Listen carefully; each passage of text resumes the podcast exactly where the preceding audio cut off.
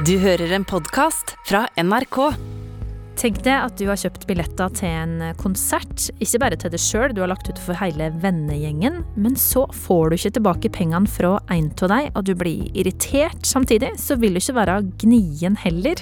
Og hvordan ville du takla det om en kollega stadig vekk stakk fra den travle jobben for å be i arbeidstida? Det her det er etiske dilemmaer fra hverdagen som det som hører på har sendt inn, og straks så kommer tre kloke folk hit for å gi råd. Hvor uke så inviterer jeg nemlig en gjeng som alle har ulike syn på livet, hit til Etikketaten. Jeg heter Kjersti Anderdal Bakken. Ja, så vi skal være kloke i dag, da. Vi skal Staselig kledd. litt klok og litt løs kanon, tenkte jeg. Ja, hva er dere mest i dag, da? Litt begge deler. Litt begge deler. Da får vi henge oss på det. Ja.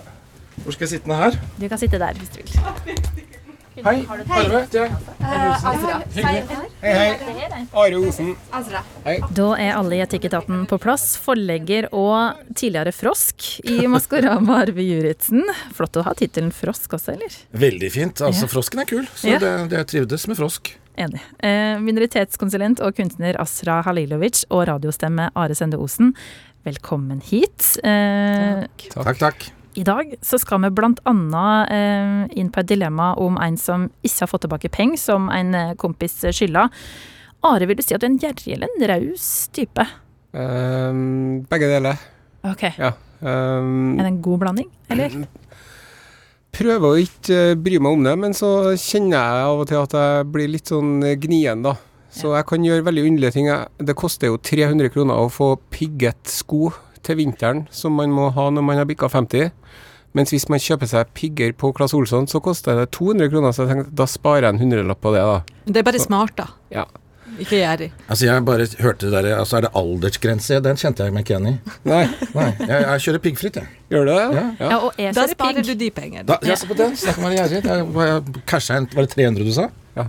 Bra. Så en hundrelapp her og en hundrelapp der. Som svigerfaren min bruker å si, det handler ikke om hvor mye du tjener, men at du klarer å snurpe igjen litt i enden! Sier han da. Det er nok Olav Thon som kommer fra min heimplass, veldig enig, Mm. tror jeg. Fornuftig etikketat vi har her i dag. Arve, Asra og Are høres jo ut som en eh, eh, musikktrio, egentlig. Eh, Triple Ace. Eh, vi må vite litt mer om dere før vi går i gang. Eh, Asra, kan du ikke si litt om hva du jobber med nå? Uh, ja, oi, oi. Um, uh, jeg har en stilling, en delstilling i kommunen, i Trondheim kommune, 50 som minoritetskonsulent. Og så er jeg uh, utdannet innen teater, så jeg jobber jo med teater som frilans. eh, forskjellige oppdrag der. Og så driver jeg en podkast som heter Anna og Azra bretter opp ermene, som er en podkast om kunst og kultur i, i Trøndelag, egentlig, men nå har vi vokst litt på oss. Og så skal vi inn i annet eh, snakke om bønn i dag. Eh, du har muslimsk bakgrunn, ikke sant? Jeg har muslimsk bakgrunn, ja, og jeg, jo, jeg pleier jo å si at jeg er muslim. Så um, jeg har eh, gått gjennom en etnisk rensning. eh, og overlevd eh, på Balkan på 90-tallet. Det Ja. For de som kjenner til det. Så jeg er opprinnelig derfra og har, har erfaringer. Jeg har jo levd på Balkan i noen år under de tilstander før jeg kom til Norge i 93. Mm. Um, Arve, eh, litt om jobben din. For første gang i livet så sitter jeg og tenker på søren, hva skal jeg bli når jeg blir voksen? Jeg har jo hatt et forlag i mange år som jeg har solgt, som jeg liksom eh, vært litt forlegger i det siste likevel. Men plutselig så sitter jeg der med sånne blanke ark og kan gjøre alt mellom himmel og jord, og så tenker jeg at det er litt spennende, men også veldig skummelt. Så jeg har litt sånn blankt år foran meg, hvor jeg kan leke og finne ut av ting. Stresser det deg, eller er det godt? Det stresser meg, for jeg, altså, jeg blir stresset av å ikke ha stress. Ja. det var det. Jeg syns stress er deilig, og det trigger meg og gjør at jeg får til fine ting. Å ikke ha det stressete, det er litt rart og uvant. Men jeg har hele livet mitt gått litt sånn barsk og sagt at jeg drømmer om en gang å oppleve å kjede meg. Eh, Så kanskje dette er året hvor jeg får den drømmen gå i oppfyllelse. Tror ikke noe på det, men eh, det, det ramler jo alltid ned masse spennende ting. Eh, og så var vi innom eh, Astra og hennes tru. Eh, hvor står du der? Nei, jeg sitter jo i Oslo bispedømmeråd og i kirkemøtet, som vi jo har i Trondheim en gang i året. Eh, og så er jeg medliturg i den lokale kirken. Så jeg har min tro. Den er sånn barne... Holdt på å si barnehage, det var feil. Søndagsskoletro. eh, som jeg har ligget i bånn hele livet mitt, som har kommet og gått litt etter hvert hvor jeg har hatt behov for den. Eh, så nå har jeg som sagt engasjert meg litt. Altså jeg er folkevalgt da, i ledelsen av Norske kirke, og det har vært eh, veldig interessant. Snålt og utfordrende. Da har du Are på din høyre hånd, som har litt, et litt annet perspektiv på det her med tru. Ja, jeg er jo øh, øh, ganske, ganske sterkt ateistisk. Jeg tror ikke på Gud, og så mener jeg også at, at religioner er skadelige for folk og samfunn. Og det er gammeldags. Nå Ja, er du gammeldags! Jeg vet det, men uh, Det jeg der kan ikke for det. altså. Det var jo for 100 år siden. Ja. Og som vi skjønner, Are er ikke redd for å provosere når han sitter eh, her Nei, men han skal vi, dette skal vi ordne i løpet av sendingen. Så Men jeg er blir med. ikke provosert i Dette det skal hele vi, tatt. vi skal hjelpe deg på vei til å få et bedre Kanskje jeg blir frilst på slutten. Halleluja! Men du, kan jeg få lov til å spørre spørsmål? Er det lov? Altså, en eller annen gang så må du ha tatt det valget, ikke sant? Ja. Uh, hvorfor? Nei, da da jeg var et barn, så tenkte jeg som et barn og følte som et barn og var som et barn. Men så ble jeg voksen, og da la jeg fra meg det barnslige. Og før så jeg stykkevis og helt, men nå ser jeg det veldig klart at det der er sprøyt ifra ende til annen laga av arbeidsskye svindlere som ikke gidder å gå ut på åkeren og så kornet sitt sjøl, men skal få det av noen andre. Ja. Så det er den største svindelen i verdenshistorien. Men det er veldig fint at du sa at du var barnslig. Jeg leste den Kan vi kanskje si at det var litt barnslighet òg? Eh, eh, jo da, men eh, du spurte, og så var du litt sånn eplekjekk, og så tenkte jeg nå skal han få med samme mynt, da. Ja, det er, det er bra. Men det jeg syns jeg syns det er spennende og interessant. Ja, men det som er Altså, jeg, jeg misliker religion, men jeg har jo møtt eh, veldig mye hyggelige folk fra mange forskjellige religiøse miljøer gjennom jobben min. Muslimer og kristne òg. Så jeg kan være eh, uenig med det folk tror på, og så kan jeg likevel eh, ha det hyggelig sammen med folk, sjøl om vi er uenige om, om det der med Gud og helvete og Ok, da vet vi litt mer om hvem de som sitter i Etikketaten er i dag. Eh, Vi skal inn til innboksen vår.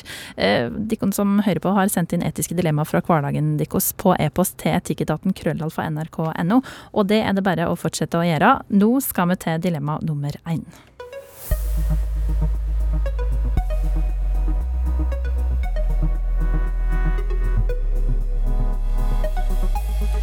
Det kommer fra Jon og høres sånn ut. Hei, jeg har et dilemma til Etikketaten. Jeg jobber i et større konsern en plass i Norge, og vi er mange tilsatte. Så er det ett forhold jeg kjenner skaper en del irritasjon i meg akkurat nå. For min aller nærmeste kollega er praktiserende muslim, og må da be fem ganger i løpet av et døgn. Hva han gjør på privaten er selvsagt hans sak, det legger jeg meg opp i, men to eller tre av disse rituelle bønnene faller som oftest inn i arbeidstida, alt etter, ettersom hvor sola står på himmelen. Problemet dukka da opp når det er pes på jobben, og han plutselig må stikke bort i rommet som han bruker som bønnerom. Det er to ting som gjør at irritasjonen har vokst i det siste. For som sagt, vi har en veldig travel arbeidshverdag. Hvorfor skal han få høve til å ta iallfall to lengre pauser midt i arbeidstida? Det hadde jeg òg trengt, egentlig. Og siden vi jobber sånn at vi er gjensidig avhengig av hverandre, blir det større arbeidsbelastning på meg når han blir borte, og er det her rettferdig? Helsing tidvis frustrert kollega, vi kaller han Jon. Hva tenker dere? Er- det rettferdig at noen får lov til å stikke når det er pest på jobben? Hva tenker du, Arve? Eh, Jeg tenker at dette har vi jo regulert faktisk i Norge. Eh, Så jeg er litt usikker på om det er etikk eller om det er regler. Eh, Så jeg måtte google dette her, for jeg tenkte at nå skal jeg stille forberedt. Så jeg gikk inn da på Likestillingsombudets hjemmesider, og hvor dette står helt tydelig at eh, Og nå leser jeg du har ikke krav på fri for å be i arbeidstiden. Retten til å ha en religion og retten til fri religionsutøvelse er viktig menneskerett. At dette er en menneskerett betyr at staten ikke kan nekte deg å ha religion, eller utøve Så, osv. og Så, videre. så arbeidsreglementet er jo tydelig på at man ikke har krav på pauser for å be, men at det er noe som arbeidsgiver kan legge til rette for. Og da tenker jeg at Jon eh, frustrerte Jon, jeg skjønner han godt. Jeg har ikke noe problem med å skjønne det. Men det står videre i den lange teksten, jeg skal ikke lese opp alt, men der står det videre at, at man har krav på pauser generelt. Så Jon kan også ta seg en pause. Han har også krav til å, å slappe av innimellom.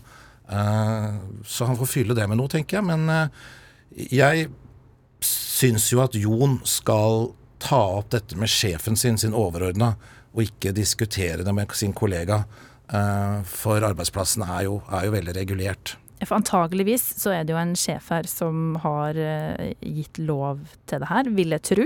Eh, men, men Asra, Mm. eh, hvor viktig er det her bønnene egentlig for, for muslimer? Ja, det er noe individuelt. Uh, så um, for meg så er det ikke Så praktiserer jeg det ikke på den måten i det hele tatt. Um, og jeg er enig med Arve, jeg forstår veldig godt irritasjonen til Jon. Litt sånn minner meg litt om røykere. Hvorfor skal røykere gå ut og ta seg røykepause? Enig. Når de kan, å, da blir det samla sett, så blir det så mange pauser. Eller for oss som er drikker ikke kaffe. Eh, det er jo litt sånn kaffeslabberas rundt den maskina til tider, som Ja. som ikke drikker kaffe, ikke er med på. Ja. Da kan en tenke her her går det går det noen liksom minutter. Ja, men så her, her har vi liksom en muslim som skal be. Mm. Den er litt betent, den har en del projeksjoner på seg selv, på, på, i seg sjøl. Altså spørsmålet i seg sjøl. Man begynner å lure hva som ligger bakom irritasjon. Hva er Er det- ja, ja. Er Er det det. fordi han skal be fem ganger om dagen og er muslim? Kan ikke bare slutte med det? Det sier nå jeg òg. sier jeg òg. Altså, men um, hvor, hvor viktig det er, altså Nei. Um, Tror du at den som har tradisjon for å be, eh, hadde syntes det var greit hvis han fikk beskjed om at du, det er det ikke mulighet for her? Vet du hva, jeg kjenner en god del muslimer fra forskjellige eh, deler eh, av verden som har litt annerledes praksis, og jeg har til gode, så jeg, så jeg tenker kanskje jeg kjenner bare oppegående folk, da, men jeg har til gode til å møte en som absolutt skal be fem ganger, altså som, skal, som trenger den tiden på jobben, og så alle tilpasser. De jeg kjenner i hvert fall. Tilpasser sin, om de er de som praktiserer faktisk den her, det her ritualet, så tilpasser, tilpasser de det til arbeidsplassen sin. Og jeg mener, og jeg er også oppvokst av den, og også det er slik jeg har lært i hvert fall at man skal tilpasse seg til fellesskapet. Og hvis det her på en måte, og jeg tenker at man, også, det er jo ikke bare bø, også, nå høres det ut som at jeg er imot at denne kollega skal be, og det er jeg jo ikke heller. Um, Hvor lang tid tar en sånn bønn? Nei, det gjør det ikke. Det er det jeg tenkte. Det, det, det tar ikke så lang tid. Nei, ett minutt, fem minutter. Jeg beklager at jeg ikke vet. jo, jo, Fem minutter? Fem minutter maks, vil jeg jo Ja, tippe. det er jo som en sigg. Ja, ikke sant. Fem, Ja. Det er jo derfor jeg tenkte røykepause. Ja. Så derfor så, så hva som ligger bakom irritasjon, er jo kanskje greit for han Jon å, å kjenne litt på. For det, det kan jo være altså, vi, vi, vi kan jo bli sint hvis vi er litt småredd. Det kan jo hende at man- faktisk er litt Men eh, jeg blir irritert på de som står ute og røyker hele tiden. ja, ikke sant. For det er Ja. jo noen, altså Jeg hadde et, et, et kontor hvor ja, det sto noen damer altså jeg tenker på, De fikk ikke gjort mye, altså. For de var samme når jeg gikk ut den døra, så sto de utenfor og røykte. Og sneiphaugen bare vokste høyere og høyere. Så der, den irritasjonen kan jeg kjenne meg igjen på hos Jon. Og Are, du har jo jobba i NRK mens det var røykfylt, sikkert her i studio som jeg sitter også. Ja. Eh, var det irritasjon mellom røykere og ikke-røykere, tror du? Eh, nei, men jeg har lagt merke til at nå er jo de uh, røykerne blir jo stadig forvist til stadig lenger unna områder, da. Så nå må de jo gå en sånn kanossagang hver gang de skal ut og røyke. Og nå er det så langt unna at når de først er ute og røyker, så må de jo ta en par-tre stykker sånn at de klarer å holde seg. Eh, men samtidig så er jo det her er jo snakk om folk som, som er avhengige av det, da. Sant? Ja. Stakkars folk. Eh, det husker jeg, jeg er jo så gammel at det var kult å røyke. Mm. Sant? Når jeg var ung, så var det de kule folkene som røyka. Ja, ja. Men øh, du får liksom ikke den vibben av folk som røyker nå lenger, da. Mm. Men det som jeg tenker om han Jon og dilemmaet hans, da og tenker at eh, Jeg syns jo litt synd på sjefen hans, på en måte, når Jon kommer med det her problemet. Og da tenker jeg at han sjefen kanskje tenker at der får jeg igjen for å være åpen og inkluderende og moderne og prøve å ansette en utenlandsk, kanskje da, må man gå ut fra kollegaer som eh, var kvalifisert nok. Og neste gang så tror jeg at jeg hyrer inn en Ole Evensen istedenfor, for da slipper vi nå det problemet der, da. Hvis dere skjønner hva jeg mener. Mm. Du tenker at man ikke hadde gått eh, og, eh, til sjefen for en røyker, liksom? Nå jeg meg over uh, røykerkollega. Det er kanskje litt lettere å si fra at du, nå er det veldig mye røyking på deg, enn å si at du, det er Ja. beinga di. Så du er enig i at Jon ikke skal, skal ta det direkte med sin kollega? Nei, jeg ville ha tatt det med sjefen. Altså, jeg ville ha sagt at uh, jeg legger meg ikke noe borti hva han, kollegaen min gjør, men, men jeg kan jo ikke drive og dra lasset mens han er nede på treningsrommet og gud vet hva han holder på med. Så Men da- der da- har du poenget. Ja. Men det er der man skal gå, akkurat det du Ja. sier nå. At jeg får en ekstra arbeidsbyrde av dette. Ja. Det handler ikke om bønn. Nei. Det handler ikke om å stikke av. Det handler om at, at Jon Ja. står der og sliter og jobber ekstra. Så jeg syns at der har du Ja. spot on poeng i denne saken. Men- at Jon føler at han må dra lasset.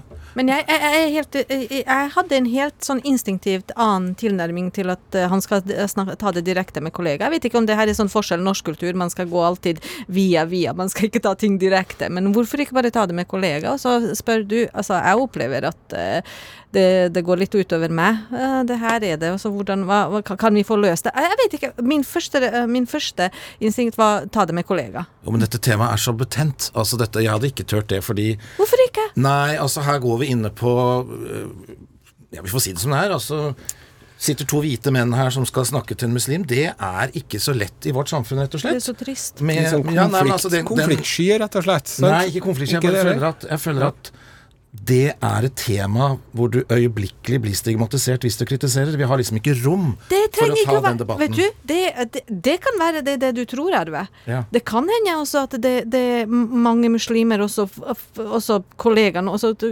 Hvorfor antar vi at han muslimske kollegaen, han som ber fem ganger om dagen, kommer til å bli sur eller såra av at, han, at kollegaen kommer til han og sier hei, sånn og sånn er det for meg. Kan vi snakke om det her?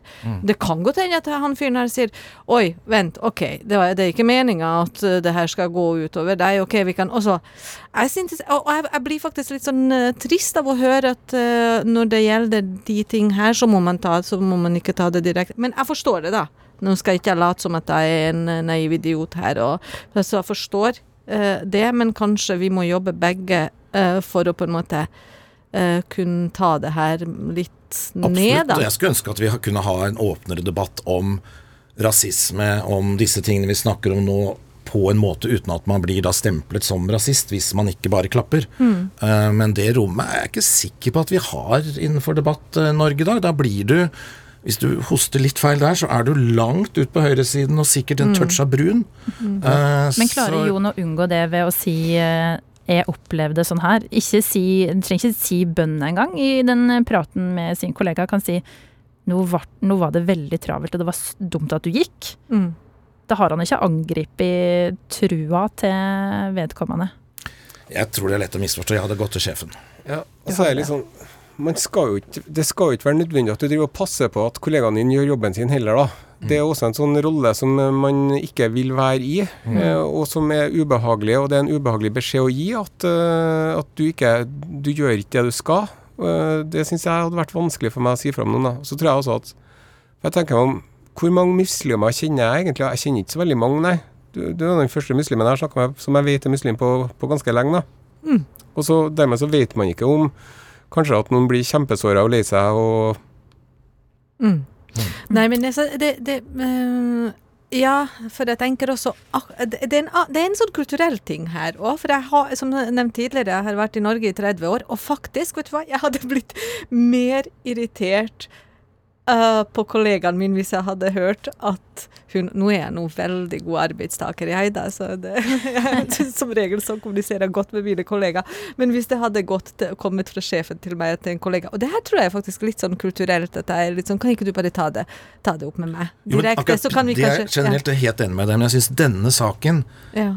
Og kanskje, som du også sier, er at, at vi, vi kjenner ingen muslimer, vi har for dårlig kunnskap. Det er shame on us. Men jeg tenker at her det er religion inne i bildet, det er kultur inne i bildet.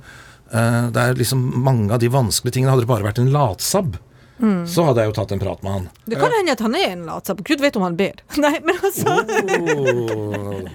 Der har vi vi? det. Brannfakkel. Ja. Ja.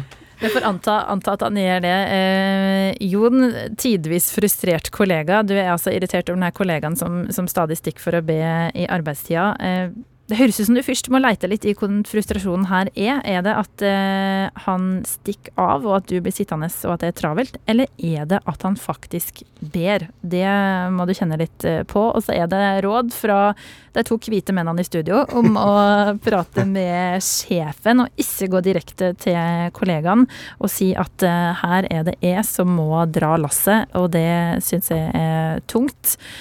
Eller så kan du gå for en litt mer sånn direkte søreuropeisk uh, Ja, altså, stil. jeg er også minoritetskonsulent. Uh, Jon, ring meg, så kan jeg gi deg en veiledning hvordan å ta det opp uh, med denne kollegaen. Sånn rett og slett samtaleveiledning. Her er det rå slett megling. Veldig bra. Rett og slett megling. Jeg får sende telefonnummer til Jon etter kort. Uh, På Bishopp.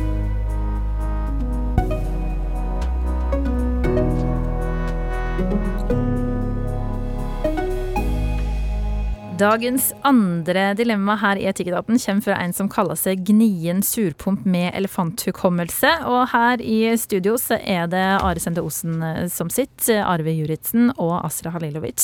Og um, her er e-posten som jeg har fått inn fra Martin.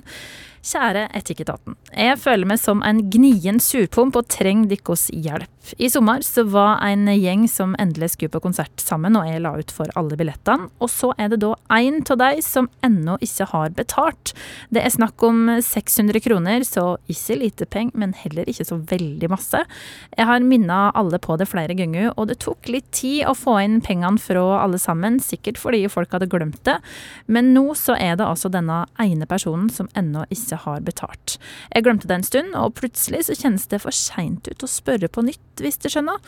Nå har det gått flere måneder, og jeg har prøvd å glemme det hele og tenkt at eh, det går nå opp i det store regnskapet, men jeg merker at det er en underliggende irritasjon der når jeg treffer henne. Hva skal jeg gjøre? Skal jeg prøve å kreve inn pengene att? I så fall, hvordan skal jeg gjøre det? Og hvis ikke, fins det et triks for å slutte å være bitter og bare tenke at det var noe kjekt å ha med henne på konsert? Hjelp! Helsing Martin.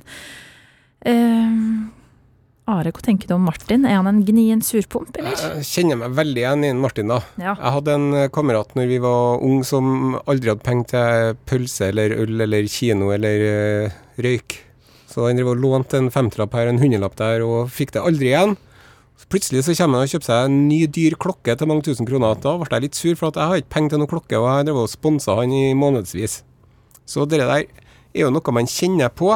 Samtidig så er det jo sånn at det er en menneskelig egenskap at det er lettere å glemme at man har lånt penger, enn at man låner ut. Det tror jeg. Jeg tror at man husker at man har lånt ut bedre enn at man har lånt. Det tror jeg bare er en sånn, sånn greie som stammer fra når vi var ekorn som klatra i trærne og samla nøtter. Rett og slett. Det er sånn biologisk greie, tror jeg.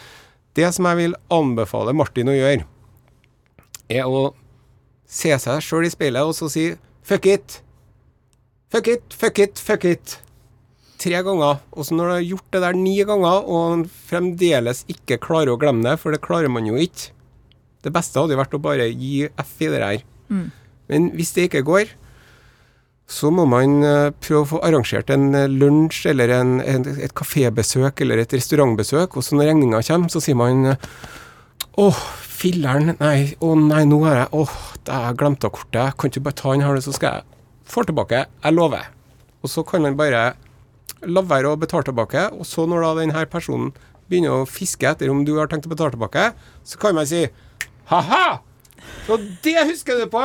Men de 600 kronene som jeg lånte deg i fjor sommer når vi var på konsert, dem har du så beleilig glemt.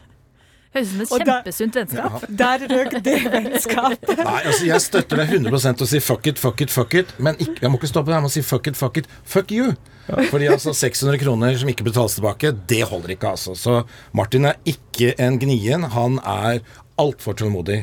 Altså Jeg er en sånn som arrangerer veldig masse ofte ting og drar i gang og sånn, og legger ut. Altså, Du slipper jo ikke unna med å ikke betale hvis du prøver det, for det er bare, det er ufint. Hva gjør du da? Sender du melding eller Vipps-krav, eller? Nei, det er jo bare å ringe og si du, nå har alle andre enn deg betalt. Ja, du går rett på, ja. Nei, men altså, dette er jo ikke det handler, altså, dette er jo ikke, noe- dette er ikke et etisk dilemma. Hvis folk har lånt penger og ikke betaler tilbake, så er det kjeltringer. Og kjeltringer, de skal i fengsel. Så Men kanskje nei, han har glemt det, så bare sier eh, nei hun, da du han- glemmer ikke sånt. Men det er veldig mange som har kameraten din, Ja. ikke sant, som ikke har penger til pølse, ikke har penger til ditt og datt, og så plutselig så kommer det både klokker og biler Ja. og, og fine reiser og alt. Så det er jo noen mennesker som spekulerer dette. Ei krone her og ei krone der. Ja. Ja, Men Eh, jeg tror ikke at det er bevisst alltid, sjø. Han pølsefyren din, tror du ikke det? Jo, at han, han, var- han er en sleiping. Men, men andre så tror jeg at, jeg tror at man Jeg opplevde det her sjøl for mange år siden mens jeg var ung og hadde litt dårligere økonomi. Og nå så traff jeg på en litt eldre kollega på, ute på byen og sa «Dæven, kan ikke låne meg en hundrings? Så sier han nei, vet du hva, det kan jeg ikke gjøre, for at du betaler jo aldri tilbake. Og da var det sånn Hæ? Må? Jeg betaler aldri tilbake? Så sier Ja, var dette deg? Ja, det var jeg som Ikke betalte tilbake? Nei, da var jeg så du er en sånn snik? da hadde jeg lånt penger i fylla av en kompis min, og så hadde jeg bare liksom beleilig nok glemt det. da Så jeg mener at det er menneskelig å feile, da. Og at man gjør det der av og til. Og så tenker jeg også at mm, denne gangen meg, og neste gangen deg. Sånn har jeg det med ganske mange. at Noen ganger så er jeg som betaler, og neste gang så er det jeg som betaler. og Så er det jo deilig å være litt sånn Jeg syns jo det er litt sånn deilig at man tenker fuck it òg, da. At man ikke gidder å bry seg om det. Men, men hvis det hvis det blir for mye, så blir det jo for mye, da. Men hvis det er sånn som du sier nå, at noen gang betaler jeg, noen gang betaler du, det er hyggelig. Ja. Ikke sant? Men da er det på en måte et regnskap som går opp. Om det er 600 minus der eller 600 minus der, det spiller ikke noen rolle. Nei. For det er noe helt annet. Men, men jeg tror denne fyren som eh, Martin er irritert på, uh, han har jo rett og slett, eller hun, ikke ville jo ikke betale for den konserten. Så jeg Nei. føler at det er litt annet enn det der regnskapet. Og, og så syns jeg 600 kroner er muligens jeg det også er gjerrig, da, men jeg syns det er noe annet enn en 50-lapp. Ja, Eller Hvor går grensa der, tenker du Astra?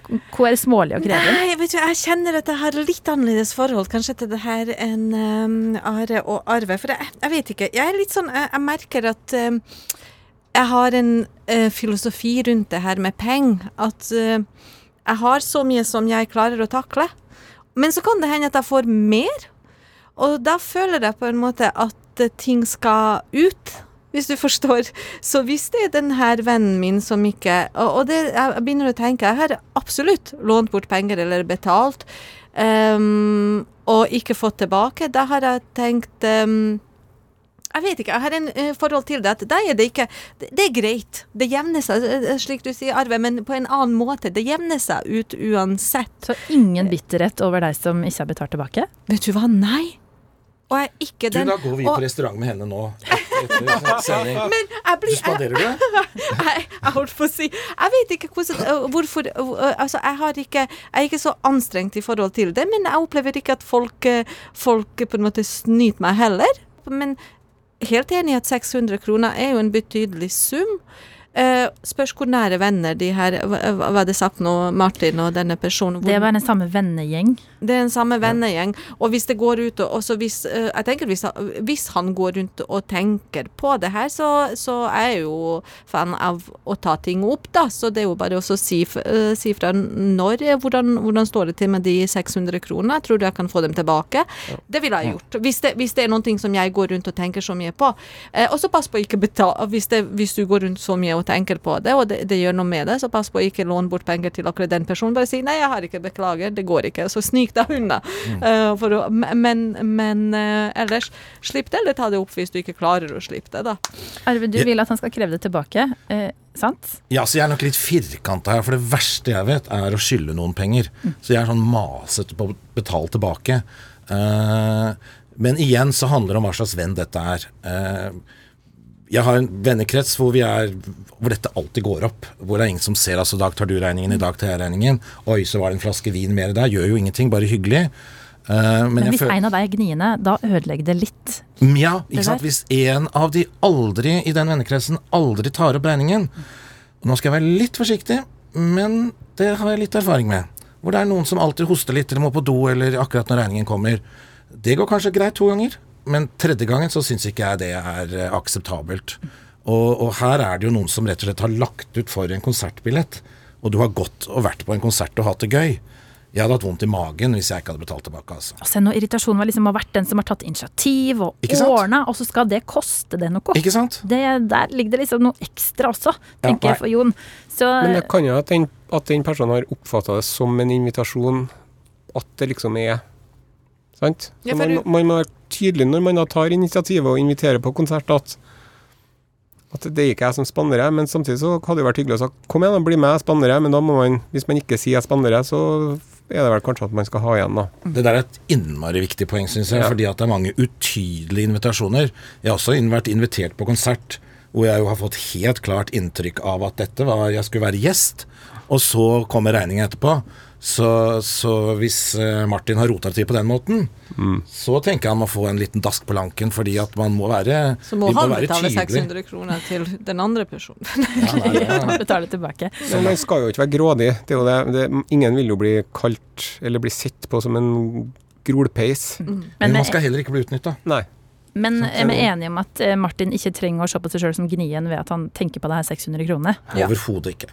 Det tror jeg er veldig godt for eh, Martin å høre. Eh, elefanthukommelsen, det kan også komme godt til nytte, egentlig. Men hvis du klarer å slippe det her at noen skylder deg 600 kroner, så er det sikkert godt for eh, sjela å slippe det. Men hvis du går og tenker på det, og uansett hvor masse du snakker til deg sjøl i speilet, så tenker du på det her 600 kronene, så er det helt greit å kreve det tilbake.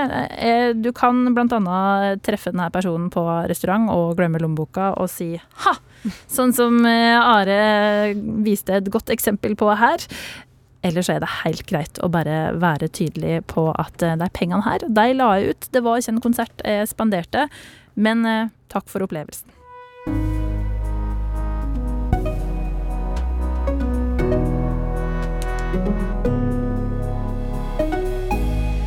Vi skal ta en pause med fra dilemmaet som eh, det som hører på har sendt inn, og så skal vi tre inn i eh, Den hellige gral. Dere i panelet skal få en utfordring. Her er en skål, altså. En eh, slags hellig gral med stett og greier, med papirlapper oppi. Dere skal få trekke en kor. Ingen veit hva som står på lappene. Jeg starter i midten med Arve. Ok. Her må vi rote litt rundt. Det er nesten som det er et lotteri. Oi, skal vi se. Der har jeg en. Ok. Passer nok Post-It-lapper. Det så er vel litt på hendene. Jeg syns dette var litt skummelt. Har du hatt en åndelig opplevelse? Huh, Hvordan skal vi definere åndelig? Jeg vet at ikke det svaret du ville ha, men Du, eh, du sa jo at du er kristen. Har du, har du følt at Gud har snakka til deg? Nei, jeg tror Jeg er ikke en sånn kristen som Den hellige ånd feier gjennom meg, og så blir alt greit, og disse store opplevelsene og karismatiske hallelujaropene. Jeg er ikke en sånn kristen. Eh, ja, jeg har hatt mange åndelige opplevelser, men det er ikke nødvendigvis at de har hengt sammen med, med kristendommen. Um, Vil du fortelle om en? ja, dette syns jeg er vanskelig. Nå skal jeg prøve å si noe ordentlig. Uh, jeg har en sånn opplevelse veldig ofte av at jeg vet hva som kommer til å skje, og jeg vet hva folk skal si. Uh, og det tenker jeg kanskje har noe med ånden å gjøre, men ikke i en kristen sammenheng, da. Uh, så jeg tenker at vi har alle jeg, jeg tror jo at når vi fødes, da, så vi, fødes vi med en koffert eller en ryggsekk full av muligheter og full av erfaringer og full av kunnskap som påvirker oss som mennesker minst like mye som eh, arv og oppvekst. Eh, og det tenker jeg det er ganske mye åndelig over, som vi har med oss i hele livet. Hvem har gitt oss den kofferten, da?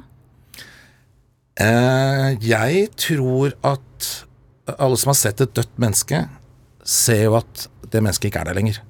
Man ser jo at der ligger et, et hylster, og inni det så var det fine mennesker vi kjente, og nå er det borte. Ja, da tenker jeg at det kanskje fyker av gårde i en koffert da, eller en ryggsekk. Eh, og så kommer det tilbake igjen. Fin tanke. Um, jeg tror det er mange som har kjent på den følelsen, den magefølelsen der. Jeg har lyst til å ta runden, men i stedet for så skal vi heller rote videre i Den hellige gral. Are, klar? Jepp.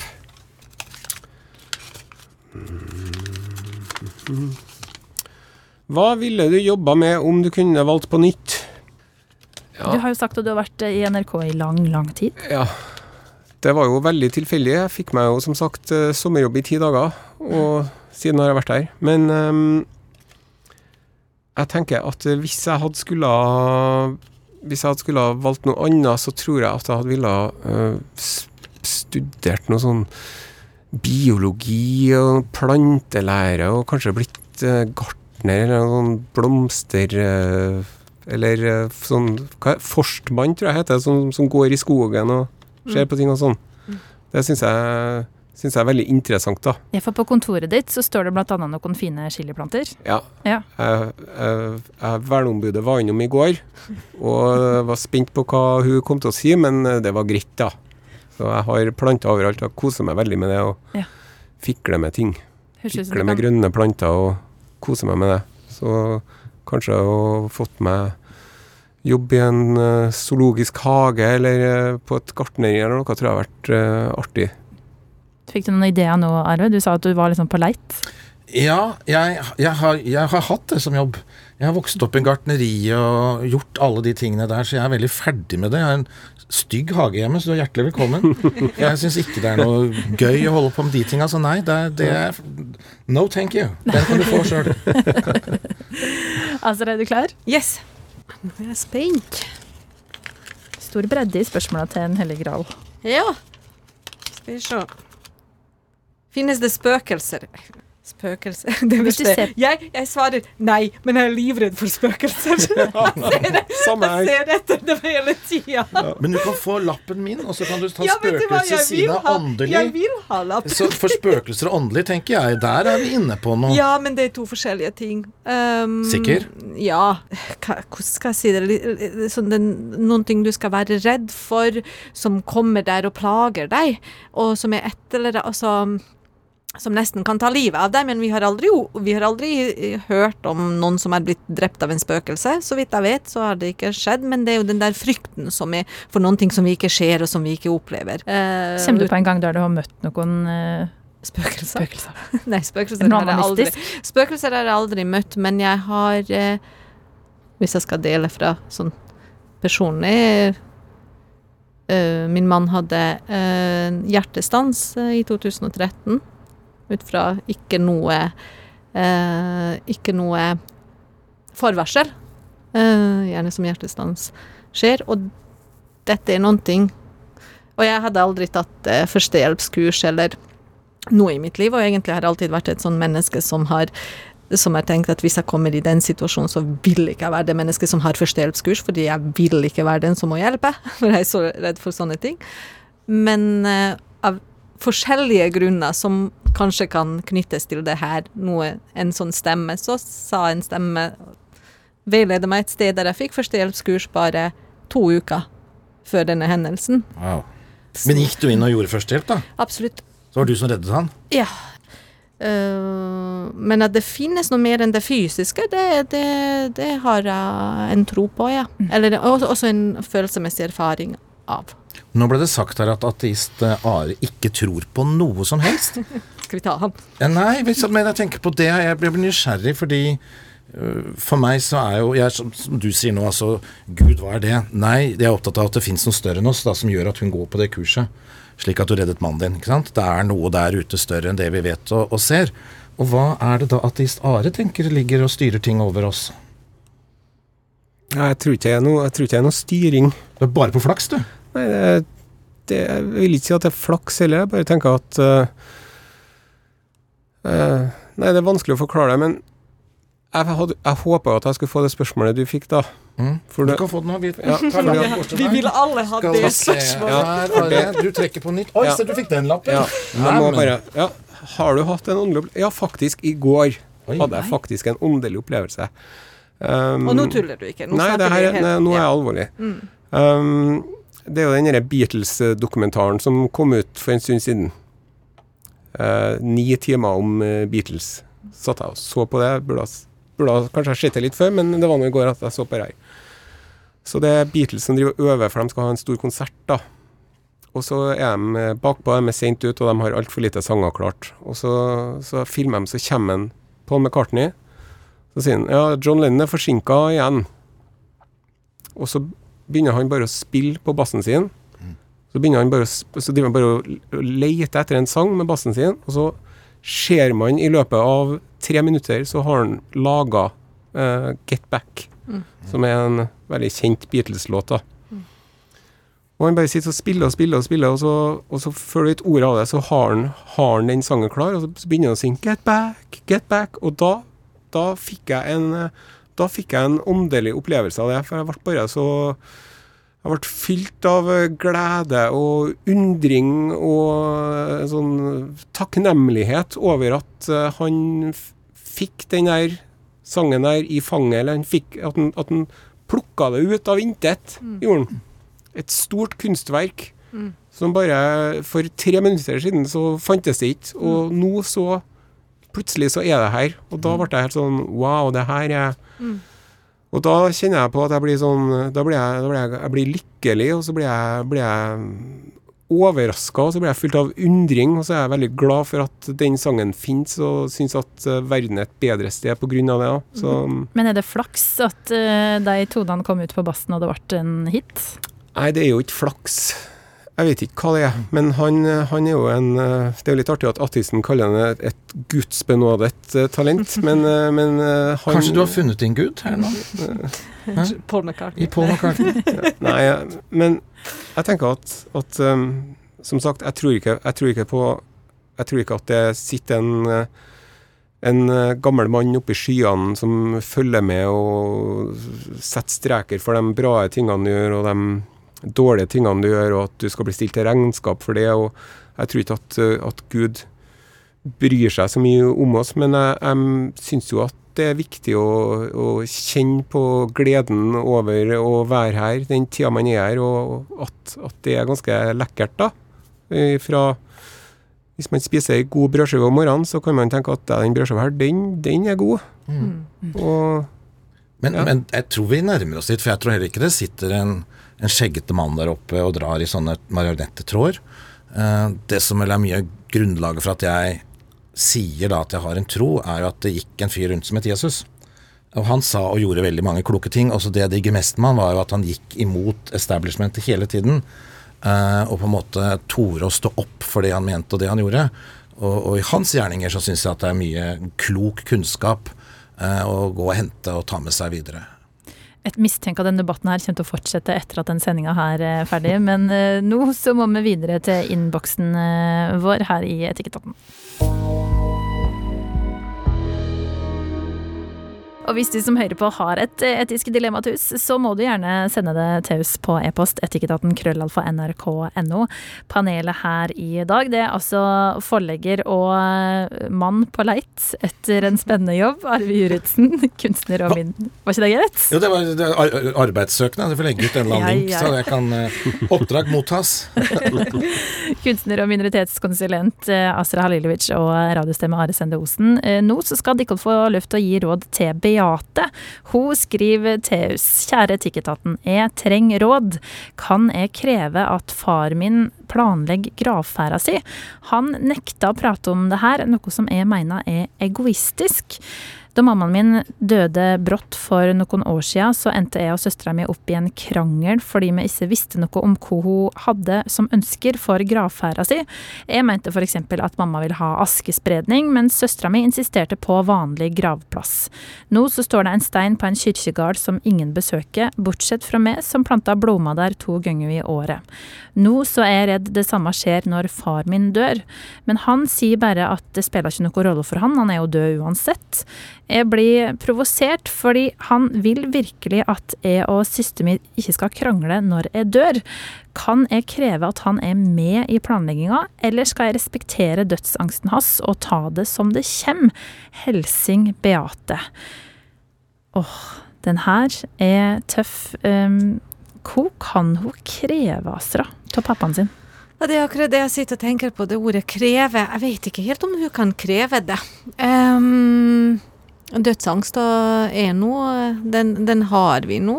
Vil jo helst ikke snakke om det, jeg heller. Um, jeg syns egentlig Beate er ganske tøff som tør å tenke tanken om at mm. pappaen skal dø, fordi bare det i seg sjøl er jo veldig vondt. Mm. Jeg, jeg, nevnte jo nettopp denne episoden med min mann som falt om av hjertestans, og den har jo på en måte lært meg til å faktisk spørre veldig tydelig. Altså det, det, den erfaringa har gjort at uh, jeg forstår Beate veldig godt, uh, og at man vil på en måte vite. Altså det, det er mange spørsmål som kom opp i forbindelse med den episoden som jeg ikke hadde tenkt i det hele tatt men hva skulle jeg gjøre med det, og hva skulle jeg gjøre? Altså, eh, som jeg tenker at det er for de som er etterlatt, eh, er, er, viktig kanskje å få noe svar og løsning på.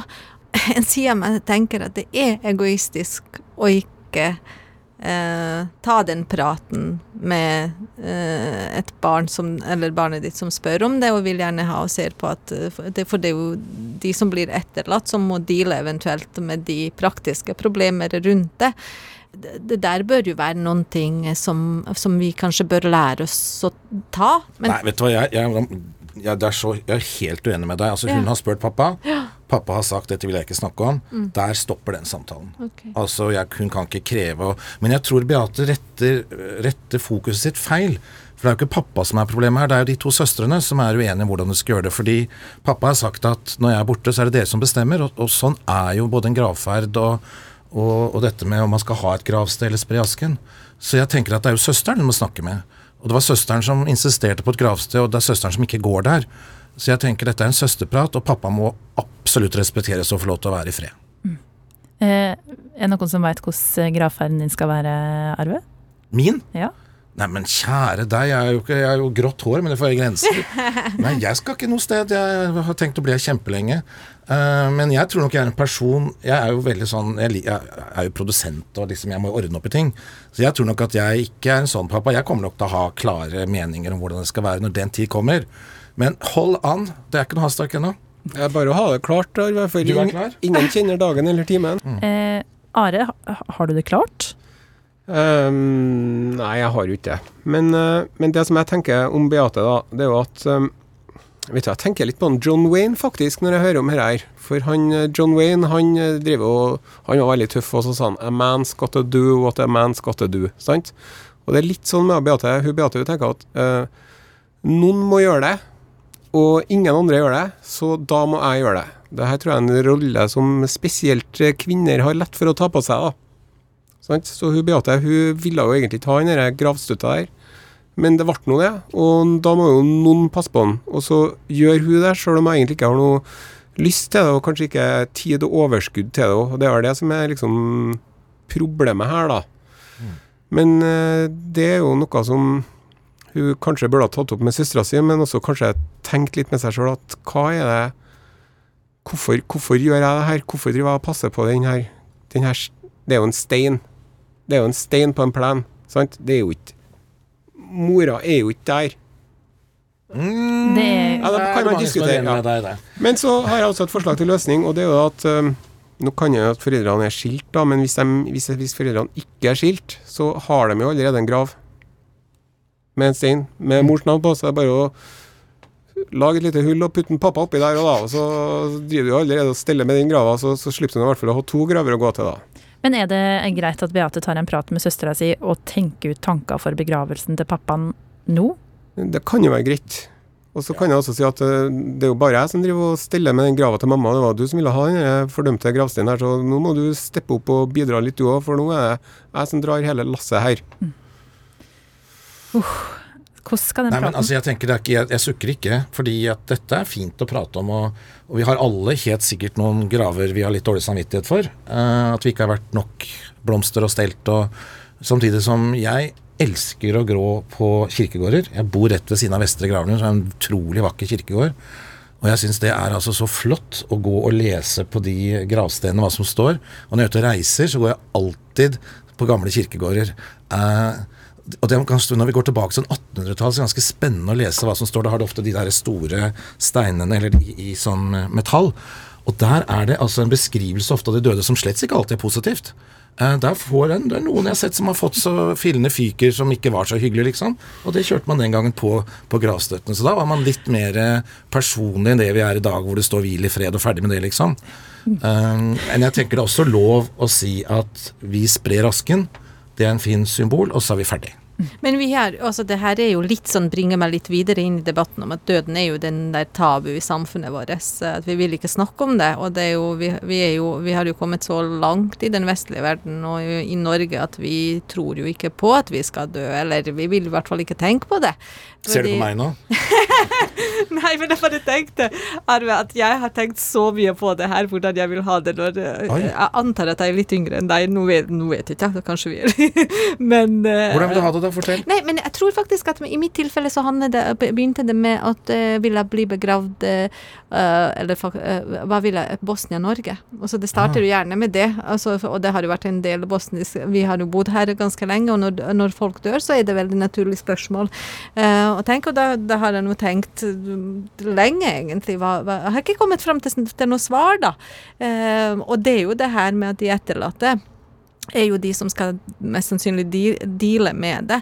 Eh, men, men det er jo det her med døden som på en måte Vi har et, vi har et issue å snakke om, og vi har et issue å forholde oss til. Og apropos både spiri, eh, altså det spirituelle, åndelige, tro, religion og alt. Altså, det er jo mye vi gjør som handler egentlig om eh, døden, eh, men vi, vi er jo veldig gode på å fornekte det. Og jeg tenker at sånne samtaler blir jo vanskelig også fordi vi ja, vi, vi vil jo ikke Vi vil ikke forholde oss til konseptet om at vi Og det er jo Samfunnet vårt er jo lagt opp til at vi, ikke, vi er udødelige, da.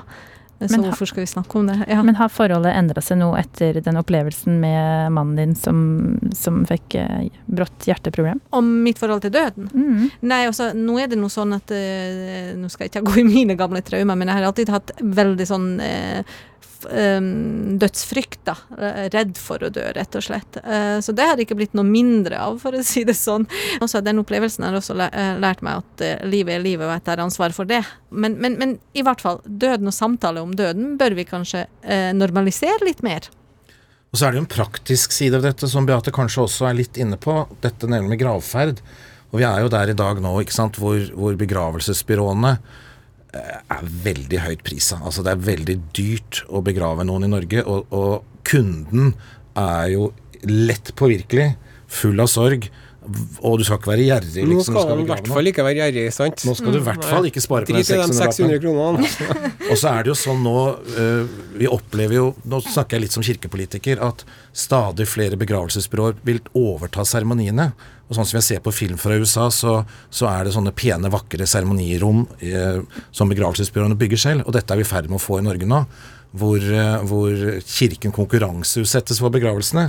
Eh, og jeg tenker at her må vi passe litt på, for det er eh, for mange som betaler for mye for en begravelse. Og det kan Beate også tenke litt på at eh, der kan det hende hvis man har noen som ligger og er syke, at man skal være litt forberedt, så man ikke sitter der den dagen og er en sårbar kunde.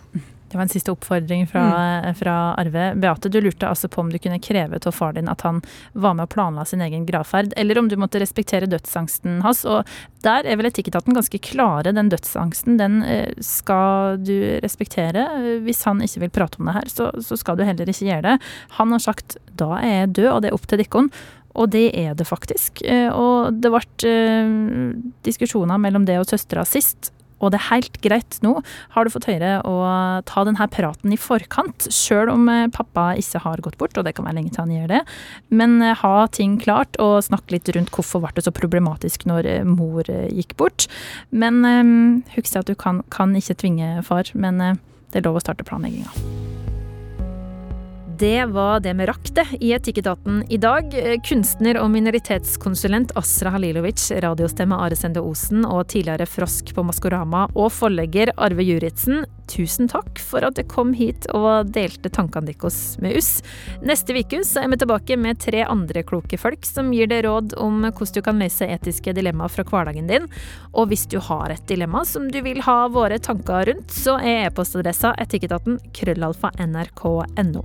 Jeg heter altså Kjersti Anderdal Bakken, og husk da at du kan høre Etikketaten hvor torsdag klokka tolv i NRK P2, og når som helst som podkast i appen NRK Radio. Vi høres. Du har hørt en podkast fra NRK. De nyeste episodene hører du først i appen NRK Radio. En podkast fra NRK. Life's a bitch. Eh, And then you die. and then you die. Og det kan du ikke noe annet enn å ha det artig med det. Det er på en måte som om vi snakker med en psykolog, men vi snakker med hverandre og har absolutt null ferdigheter til å hjelpe hverandre. Vi gjør det allikevel. Terapi i Ja. form av å bare klikke. Det er fantastisk! Baksnakk hører du først i appen NRK Radio.